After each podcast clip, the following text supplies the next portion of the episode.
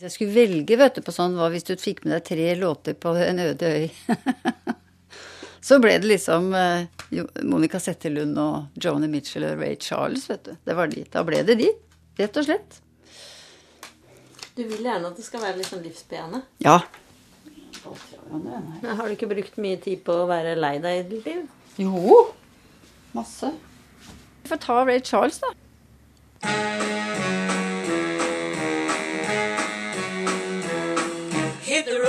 Jeg er hjemme hos Sissel Gran. Ekspert på kjærligheten. Og på problemene med den. Radiodokumentaren sender 'Finnes kjærlighet'. Et portrett av Sissel Gran. Det er jo en av de store hitene til Ray Charles da, som er veldig morsom. Som handler om å bli ditcha, ikke sant, og få fyken. Det er jo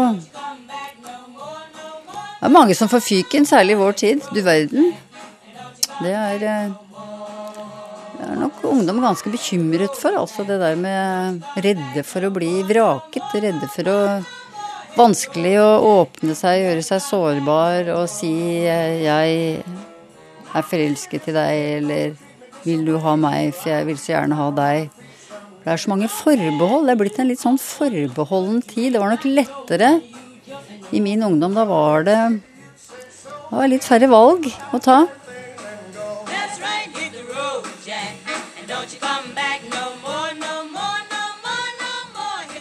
Hun har vært parterapeut nesten hele livet, har skrevet flere bøker og haugevis av artikler om kjærligheten. Angsten for å få døra i ansiktet og bli avvist er veldig stor. Og sjansen for å bli avvist er også ganske stor. Jeg hadde tenkt å spørre henne om kjærlighet virkelig finnes. Jeg hadde tenkt at hun kanskje kunne svare.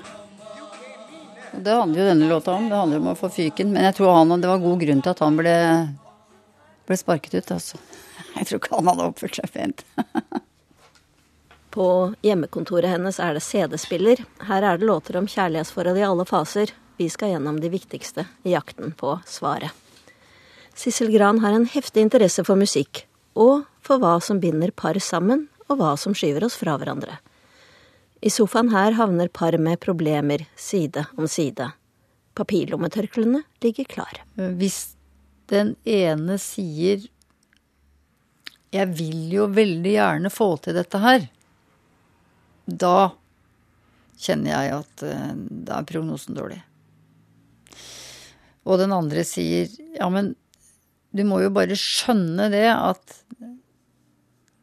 du må gjøre sånn, og vi må gjøre det. Altså å overtale den andre til å føle riktig. Og den andre også forsøker med fornuften å overtale seg selv til å føle kjærlighet for den andre. Så er det en dårlig prognose, dårligere prognose enn de som kommer inn og skriker til hverandre her. Og kaller hverandre de styggeste ting. Skrike er altså ikke det verste man gjør. Men det er kanskje litt verre hvis man har lyst til å være slem mot den andre. Hvis jeg har lyst til å være slem, ja. Ja, da får du etterpå si 'nå var jeg slem'. Nå var jeg slem, nå er jeg Da må du si unnskyld hvis du har vært slem. Det er jo en veldig viktig ting i et parforhold. Å innrømme at det var din feil, at det var du som var slem, og at du angrer. Det virker veldig. Det er så avvæpnende å si 'jeg er så lei meg', 'jeg så du ble lei deg, men jeg brydde meg ikke noe om det'.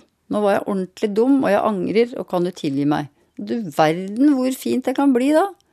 Hvis man kunne skjønne at det ikke er å ta på ansikt, altså. En skikkelig nøkkel inn til et eh, bra prosjekt. Når jeg sier at jeg skal eh, intervjue deg og lage et portrett av deg, så sier sånn omtrent alle Jeg lurer på åssen hun har det i sitt privatliv. Kan du skjønne det? At, man blir, eh, at vi blir interessert i Og her sitter en som liksom er ekspert på par. Man tror hvordan hundene har det. Ja. Ja. Skal det være pølser eller lompe? Skal du ikke ha en pølse med lompe? Det er en god idé. Mange? To hver. To hver. Og så må vi ha opp sennep. Har dere ikke spist middag? Nei, vi har ikke rukket det. Jeg tror han har spist noen rester. Og, ja. Nei, hva var det vi sa? Jo, Hvor mange forhold har du egentlig bak deg, og når Nei, det kan jeg, jeg kan ikke fortelle hvor mange forhold jeg har bak meg, altså. Men jeg har vært gift to ganger før. Full optimisme. Og så øh, Jeg var jo gift øh, i noen år med, ektemann nummer to. Og så var jeg, var jo singel innimellom her, så var jeg singel da. Og så traff jeg øh, Ola, mannen min, i 93. For å si det sånn, det er både hans og min rekord. Så vi er veldig, veldig fornøyd med hverandre. Så hun bør altså ha mer enn nok erfaring med kjærligheten, hvis den fins. Og med det svarte i sinnet. Har iallfall én erfaring som jeg bruker selvfølgelig. Det er at jeg vet hvor vanskelig det er å forandre seg. Det er så vanskelig å endre på den minste ting. Og når jeg ser hvordan folk sitter og sliter for å komme ut av sånne handlingsmønstre som de har havnet i, og tankemønstre som de har havnet i, så blir jeg aldri irritert. Og det er ikke sånn at jeg tenker 'Å, herregud, kom igjen nå'. Jeg gjør ikke det, for jeg vet at det koster så mye, selv den minste ting. For det er av egen erfaring, selvfølgelig. Hva er det du har prøvd å forandre som er så vanskelig? Altså slutte å kjefte, eksempel. Det er jo vanskelig hvis du er i en kjeftesmelle. Eller, eller ehm, slutte å fortelle med lang, i lange setninger til mannen sin hvordan han burde tenke, føle og opptre. Og ha det. Det tar jo lang tid. Det tar tid å slutte med det. Altså slutte å holde tale om hvordan ting bør være. Det tar tid å slutte med det. Um, Hva gjorde du for å få det til? jeg får det jo ikke alltid til. Så jeg ser jo meg selv i noen av disse parene som sitter her og plumper uti det og gjør mer av det samme som de har sagt gangen før og gangen før og gangen før, at de aldri skal gjøre mer. Og så på ett sekund så sitter de og gjør akkurat det samme. Og jeg kjenner meg så igjen. Og jeg ser jo det er så lett å havne der. Men tenker du ikke da ja, men dette er jo meg. Jeg er jo sånn, impulsiv og rasende. Det må jeg få lov å være. Det må min partner akseptere. Jeg tenker nok det innimellom. Her om dagen så jeg så banket jeg bordet og ropte liksom og sang 'If you don't know me by now, you'll never ever know me at all', ikke sant? Med falsk stemme. Sånn. Eh, Men eh, da lo vi etterpå, da. Men det er jo det er klart man blir forbanna, altså når man for hundrede gang eh, viser hvem man er, og så får den andre sjokk, eller blir taus, eller mm. Men i gamle dager ville jo da blitt veldig såret, mens nå kan jeg si hør her, nå var jeg veldig dum, og nå det var du òg. Kom igjen. Nå må vi slutte med dette. Ja. Men det, kan jo jeg gjøre og si, altså som, som eh, med mye erfaring, mens disse parene som sitter her, og som kanskje aldri har tenkt på den måten, strever jo veldig med det. Altså med å komme ut av sin egen sånn grunnscene, da, som er så veldig etablert i parforhold. Ja, for det er det ikke sånn at eh, man da tenker men skal jeg bli en annen, da? For å være en del av dette paret, skal jeg forandre meg helt? Det kan jeg da ikke, det er jo ikke meg lenger. Det vil jeg liksom være snill og flink hele tiden? Det handler jo ikke om det, men det handler jo om å i stedet for å skrike i sinne, så skal du si at du er sint. Nå ble jeg kjempesinna. Eller nå ble jeg kjempelei meg, i stedet for å bare snu seg bort og gråte eller løpe ut av huset. Greie å si nå er jeg kjempelei meg, nå er jeg så lei meg at jeg har lyst til å løpe ut av huset. Hvorfor er det så viktig? Det er mye viktigere å si det enn å gjøre det. Så øve seg på Når du lever sammen med et annet menneske, så er du nødt til å øve deg på å regulere følelser. Hvis ikke du har en ekstremt tolerant partner da, som, eh, som eh, hele tiden innretter seg sånn i forhold til at du kanskje er en veldig temperamentsfull person. Men i det så ligger det også litt sånn overgrep, syns jeg. Hvis det alltid er den ene som skal tøyle seg og og Det er det vi jobber med når vi jobber med pariterapi, at vi jobber med regulering av følelser. Egen, altså Jeg må regulere meg, og så skal jeg hjelpe deg å regulere deg. Ved å f.eks. trøste deg og si 'det går bra', vi klarer dette. Det er en som ikke har fått seg dame der ute, nå, som bråker fryktelig. Det er en blåmeis som ikke har fått snøre i båndet ennå. Han har kanskje kasse på utsiden her, men har ikke funnet dame, så det er voldsomt styr. Hallo, sier han. Jeg har jo kasse. En fin blå kasse på utsiden av kontoret. Sissel Gran er mer enn vanlig opptatt av fugler. Jeg spiller fuglelåter når jeg ikke orker å høre på ord. Skal jeg ta en fuglelåt for deg, eller? To papegøyer bor i kjelleretasjen, og i CD-samlingen er det flere fuglelyd-CD-er. Da, da kan vi velge mellom eh, fuglesang, lydene til 197 nordiske arter, eller fjellets sangfugler, eller Gulspurven. Hun hører på dem når hun driver med administrativt arbeid, som er det verste hun vet. Da tar jeg regnskapet. Da syns jeg at det går litt bedre. Løvsangeren har en bløt, fløytende sangstrofe som faller i tonehøyde og dør litt bort. Så må vi ta den. Da tar vi løvsangeren.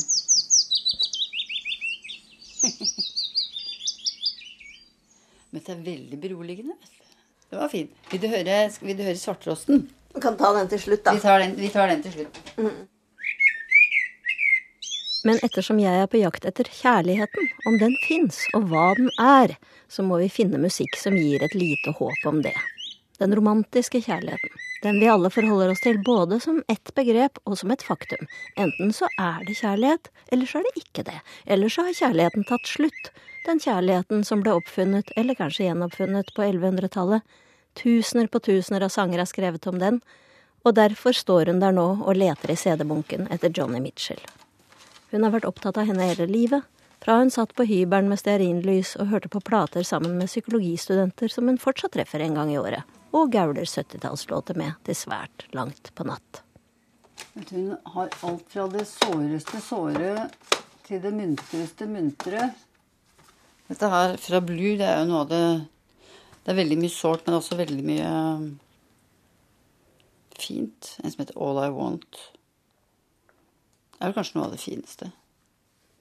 Den er veldig livsbejaende på en måte. Skal vi høre litt på den? Den er fra 71, ja.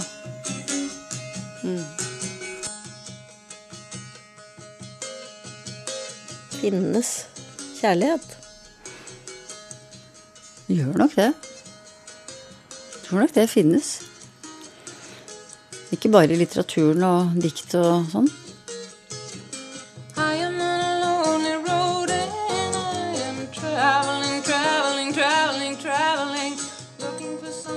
Tror det består av behov for å være nær noen. Altså, altså behov for tilknytning og nærhet og trygghet og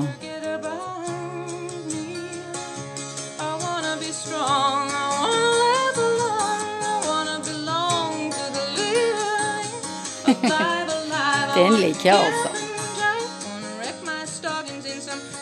Når du sitter i, i din praksis, er det noen ganger du tenker ja, dette er virkelig kjærlighet, og andre ganger du tenker neimen dette er jo ikke kjærlighet i det hele tatt. Ja, det tenker jeg nok. Tenker nok noen ganger at uh, dette er vel mer en praktisk greie. En form for litt nesten ondartet avhengighet, eller en vanemessig Altså en frykt for å være alene mer enn en kjærlighet. For jeg tenker jo at i kjærligheten så må det være et element av 'jeg vil deg vel'. Det må være et element av en omsorg for den andre parten.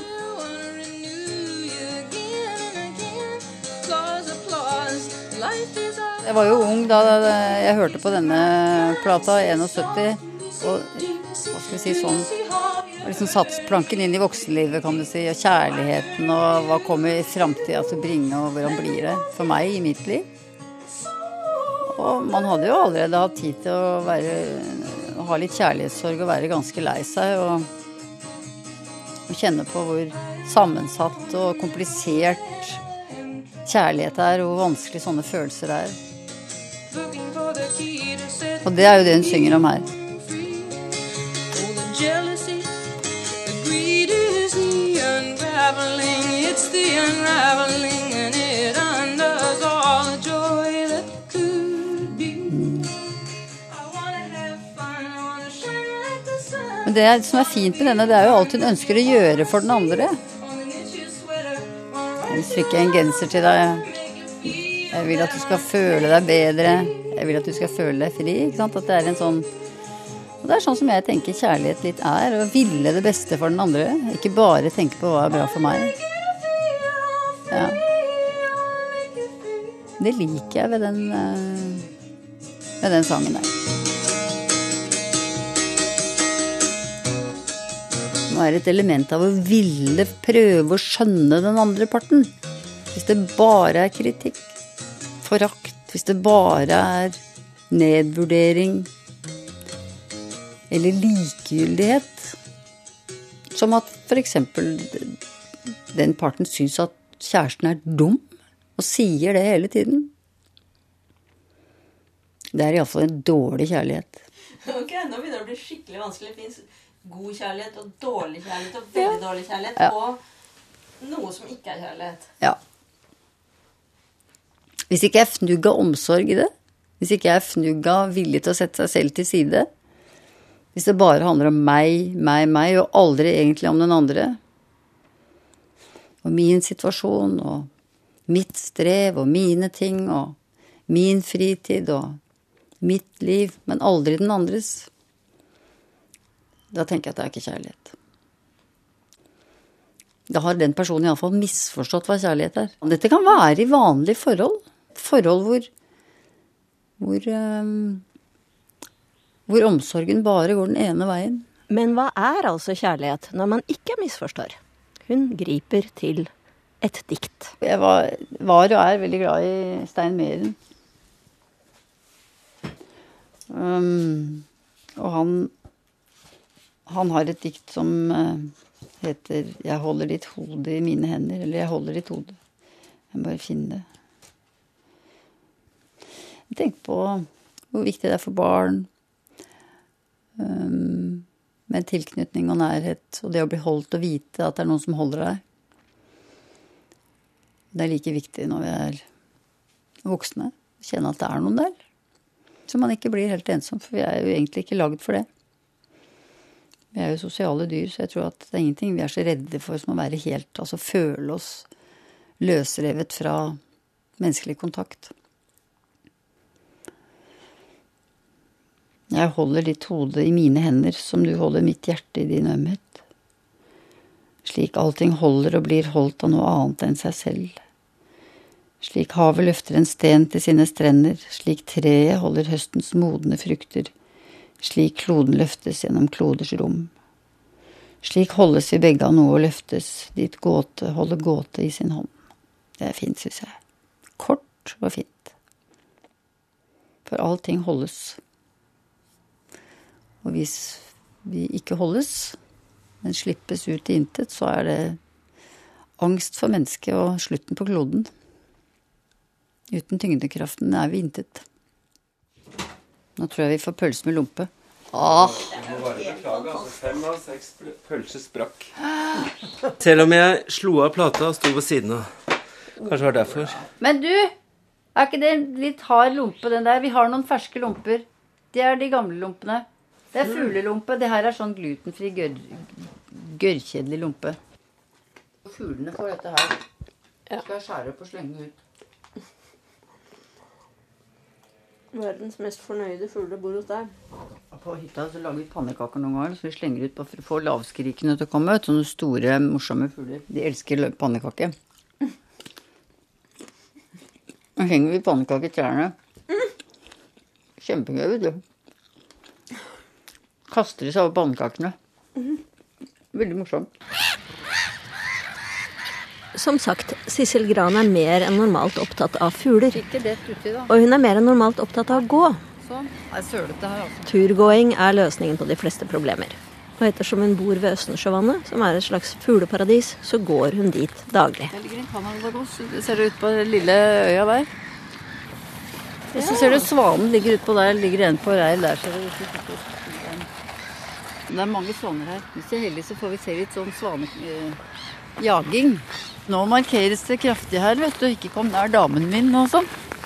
Svanene er monogame, har jeg hørt. Ja, det er visst det. Hele livet. Holder seg til den samme. Så de er så romantisk sånn bilde, vet du, for oss mennesker.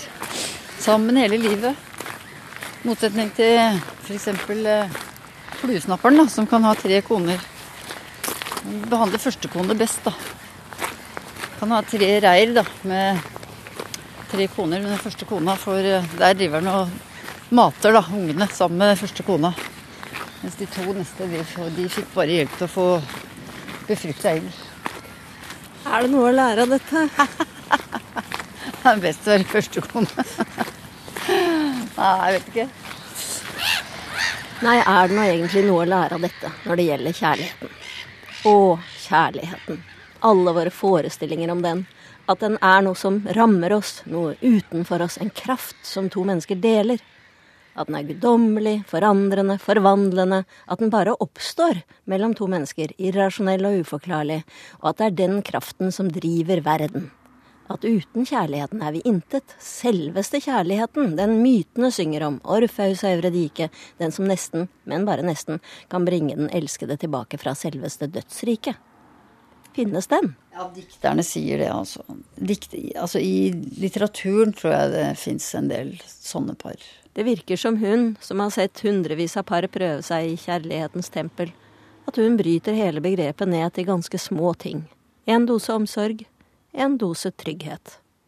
Det, da må jeg ta yndlingslåten min over alle yndlingslåter, da. Skal du høre den? Den er også veldig håpefull, skjønner du. Come rain or come shine. I'm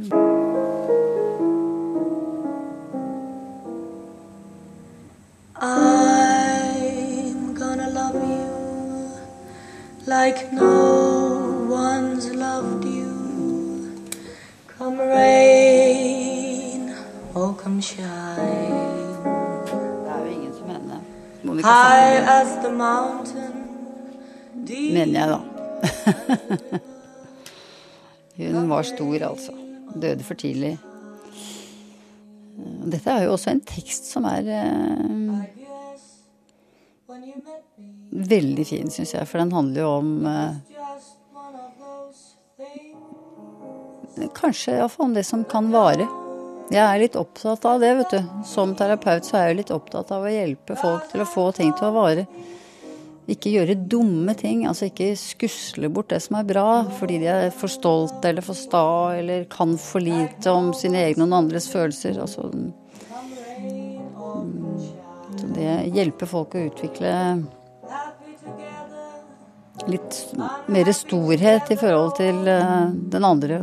Toleranse og forståelse og selvforståelse.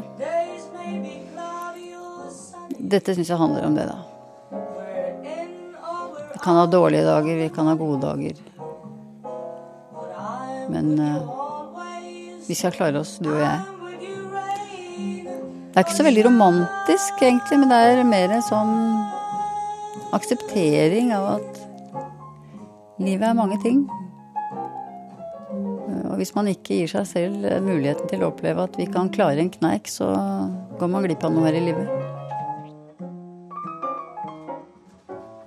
Det er noen tabuer i vår tid som Og det, det ene som jeg har skjønt, som jeg plutselig skjønte da et par satt her, det var jo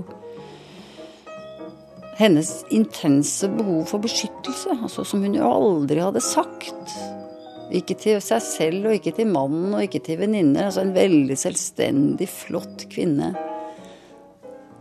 Og som hun torde ikke å si det høyt her heller, men så plutselig så jeg at hennes raseri eh, Hvor hun blir kjeftesmella, og han blir liksom den som trekker seg unna, håper at uværet går over. Det er mye av det. Mange sånne par. Og særlig ett par hvor jeg så at dette virkelig slo til at hennes hennes behov for beskyttelse var veldig sterkt. Men det kunne hun ikke si. Hva mener du med beskyttelse? En som kunne ta tak i henne fysisk, ordentlig, holde henne og si 'dette klarer vi'. 'Dette går bra'. Jeg skal hjelpe deg. Uh, En som ikke var redd for hennes sinne. Og dette har jeg sett så mange ganger. Mange par hvor, dette, hvor det er vanskelig for kvinner, moderne kvinner i dag, å si 'jeg trenger hjelp', 'jeg trenger at du beskytter meg', 'jeg trenger at du tar vare på meg'. Kvinner skal være sterke, selvstendige, uavhengige. Og det er de jo òg. Greier seg selv. Og det å si det, at jeg føler meg liten og Redd og dum, kan ikke du passe på meg, liksom? Det passer ikke, vet du, i vår tid. Fordi det er så skambelagt, og det å være avhengig av en mann, liksom. Det handler ikke om avhengighet, det handler om å erkjenne en tilknytning, da. Et behov, altså et behov for å høre til. oh.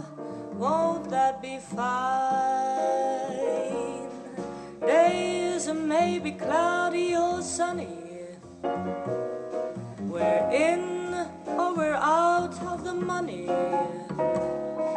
But I'm with you always.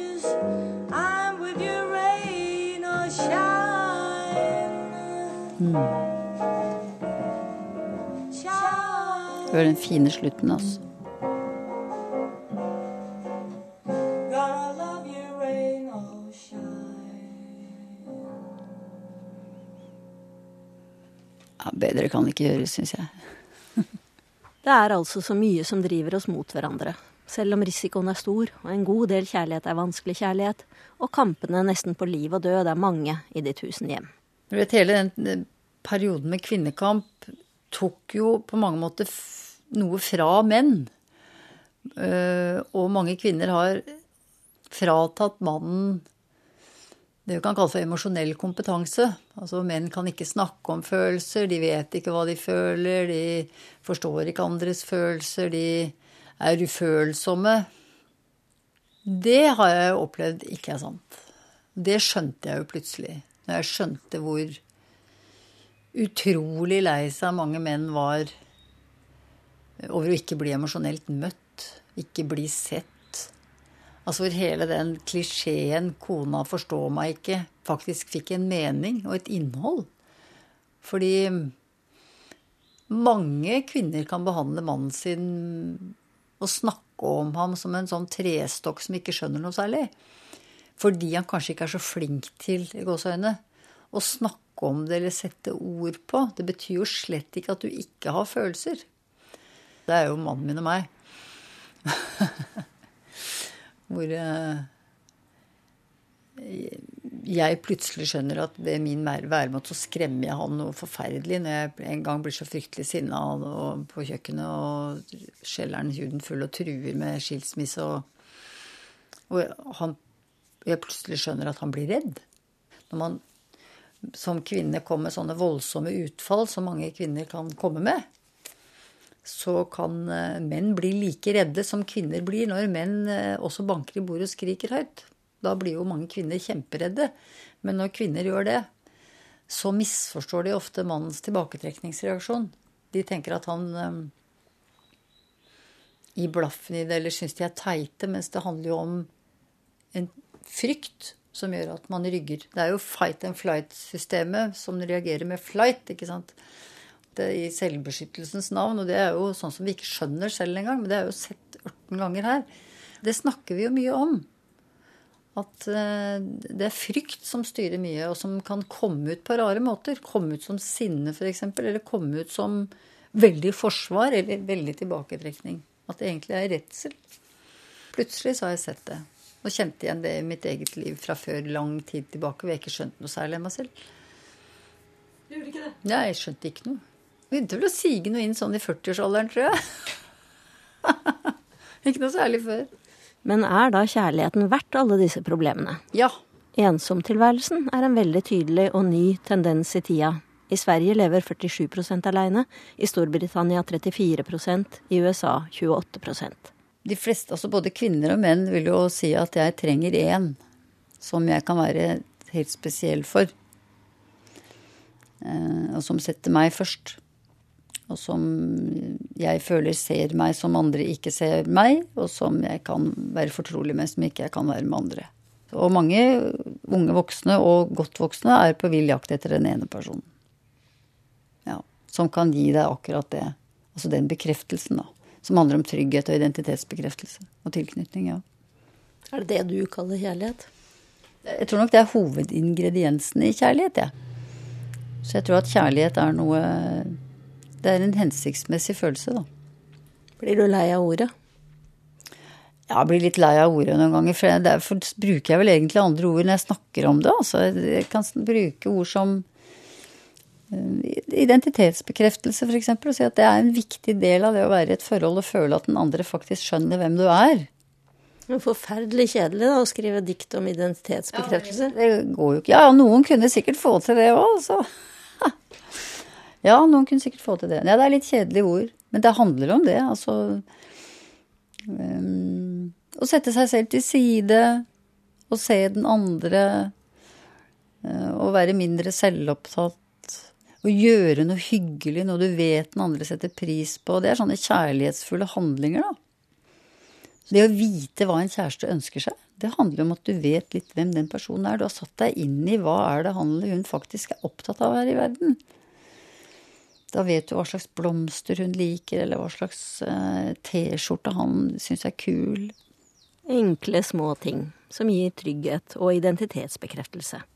Og tilknytning. Det er altså hovedingrediensene. Tilknytningssystemet i mennesket er nedlagt i oss for å sikre vår overlevelse som individ og art. Så evolusjonsbiologisk kan det sies. Uten det hadde vi ikke levd. Så det er jo medfødt, en medfødt evne som skal sørge for individets overlevelse. Men hvor gjør hun av mangslungenheten i sjela? De destruktive sidene som blir så tydelige når vi lever nær noen. Det var en jeg var veldig fan av også. Og det var Cher. Som jeg alltid syns har vært underkjent som sanger og som kunstner. Og fordi alle alltid har fokusert på eh, utseendet hennes og at hun har pynta så fælt på det. Men når man hører stemmen hennes, så jeg syns det er urettferdig å fokusere så på silikon og operasjoner når man hører den stemmen. Så da Vi kan jo ta It det Necessarily som skjer. Cher. Den er ikke alle som har hørt.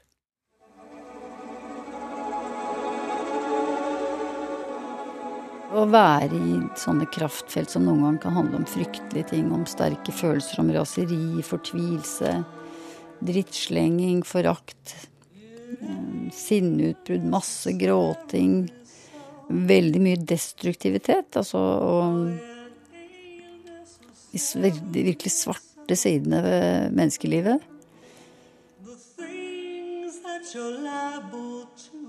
Det å være i det andre menneskers emosjonelle kraftfelt og lidelse i mange år. Jeg tror man er litt, skal være litt rar hvis ikke det går innpå en, på en måte. Gjenkjenner du det? Ja, absolutt. Det er klart. Og så velge det mørke og ikke det lyse. Ja, at du hver dag, hvis du er litt Hvis du ikke er sånn naturlig optimist og livsbejaende og med et veldig lyst sinn, som jeg ikke har, så må du velge på en måte det lyset hver dag. Du må velge å ville gå dit som prosjekt i livet. At det er dit du skal. Du må gjøre aktiv motstand mot din egen kropps og hjernes og sjels ønske om å på en måte gå inn i det mørke. Du må rett og slett si nei til det.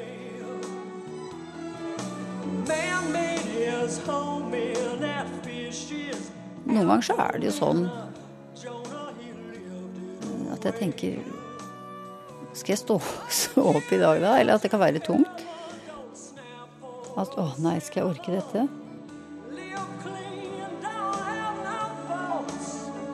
Det er en veldig kort tanke. Den får ikke lov å bestemme over meg. Den tanken eller følelsen.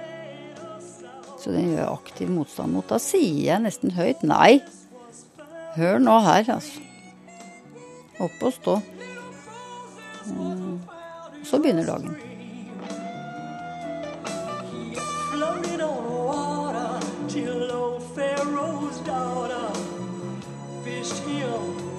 Ain't necessarily so. Det passet veldig godt, for jeg var jo en utrolig skeptisk ungdom, og teksten appellerte til meg. Skal ikke tro på alt du hører og alt du ser. Mye kan være annerledes enn det det ser ut som. Det var jeg nok veldig opptatt av. var nok um, Var nok litt kritisk og skeptisk og Opptatt av å se bak. Hva handler det egentlig om?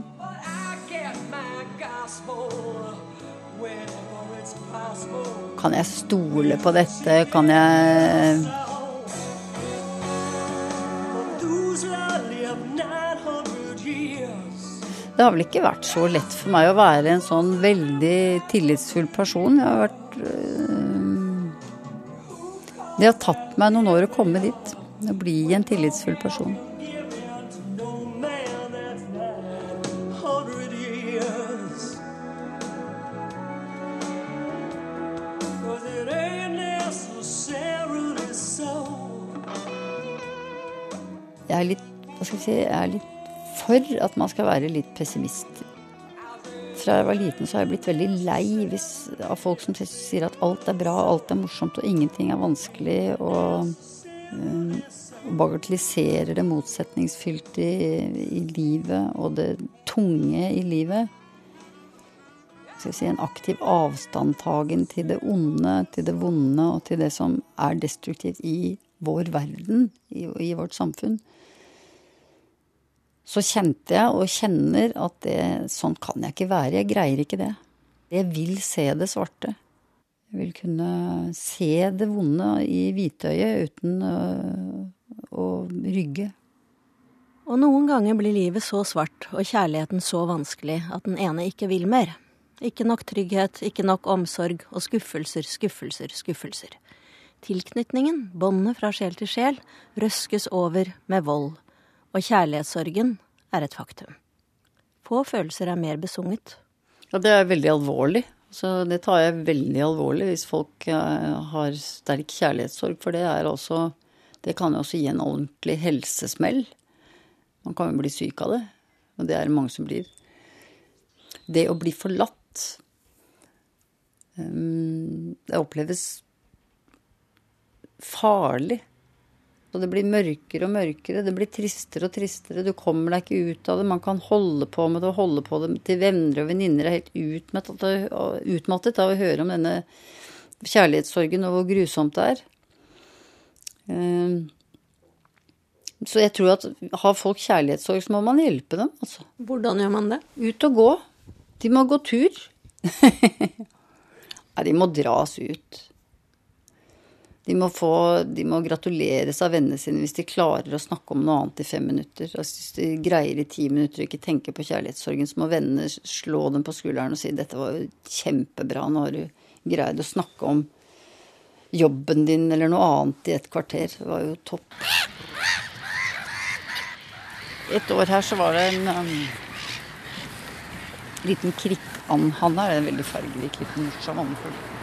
Mye mindre enn stokkendene da. Den padla rundt der borte og så, så, så fryktelig redd ut. Padler sånn voldsomt full fart. Så mannen min og jeg sa til hverandre Stakkars, se så engstelig den er, da. Nei og nei, og hvordan skal dette gå? Det var bare den ene, da. Midt i en haug av stokkender. Kom vi tilbake dagen etter, så holdt den på fortsatt. Men det var ikke noe frykt å spore der. Det den gjorde, det var å sirkle inn en uh, pen stokkandfrøken. Så han drev noe kraftig på med å skaffe seg uh, dame. På tvers av grensene? På tvers av uh, grensene. Og det var selvfølgelig veldig arbeidsomt, for han var jo bare halvparten så stor som de der Stokkan-herrene. Men greide det, gitt. Så resten av sommeren så truet han henne til å ligge omtrent stille under en busk borti der. Og padlet sånn frem og tilbake foran henne med sånn fryktinngytende fart. Så um, jeg tror ikke det ble noe avkom av det. Men det var interessant å se. Det vi trodde da var panikk, var rett og slett bare kraftig markering av at damen var hans. Liten og spretten var han. Veldig selvfull av selvtillit. Ikke sikkert det er noe å lære av resten av dyreriket nå heller. Det er vanskeligere med folk enn med fe, og nå må vi nærme oss svaret på spørsmålet om kjærlighet finnes. Jeg mener selveste den romantiske kjærligheten, kvinnen i ditt liv, han du aldri kan glemme, henne du skulle ha hatt, de som egentlig skulle ha hatt hverandre, den som vekket følelser som ingen senere kan måle seg med. Vi har jo et problem, syns jeg, med mange. Det er at de vil ha sånne litt rystende kjærligheter. Altså hvor det skal være litt sånn vibrerende og litt angstfylt og litt Det skal være litt voldsomt. At hvis det er snilt og varmt og hyggelig, så er det ikke så spennende.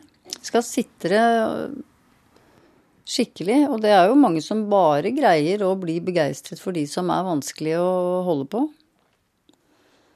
Um, Hvorfor det? En som er vanskelig å holde på, holder deg på tuppa bokstavelig talt hele tiden. Vet du, sånn at det emosjonelle apparatet ditt altså det, det er påskrudd hele tiden. Hvis du hele tiden er litt eh, redd for å miste eller eh, blir holdt litt på tå hev av en som aldri gir deg full bekreftelse, men sånn 60% hele tiden, så vil det kunne gjøre deg veldig på vakt, men også veldig romantisk. Veldig lidenskapelig. Hvis du da får solide porsjoner bekreftelse med innimellom, og så litt sånn kulde avvisning, sånn at du hele tiden higer etter, så vil det selvfølgelig kunne forveksles med at dette er kjærlighet. Dette er virkelig den store kjærligheten. Mm. Mange har det sånn, og jeg tror at det er vanskelig å toppe en sånn type relasjon som det, fordi den er så, den er så vibrerende, da. Men er det et godt sted å være? Så tar jo ofte sånne forhold slutt.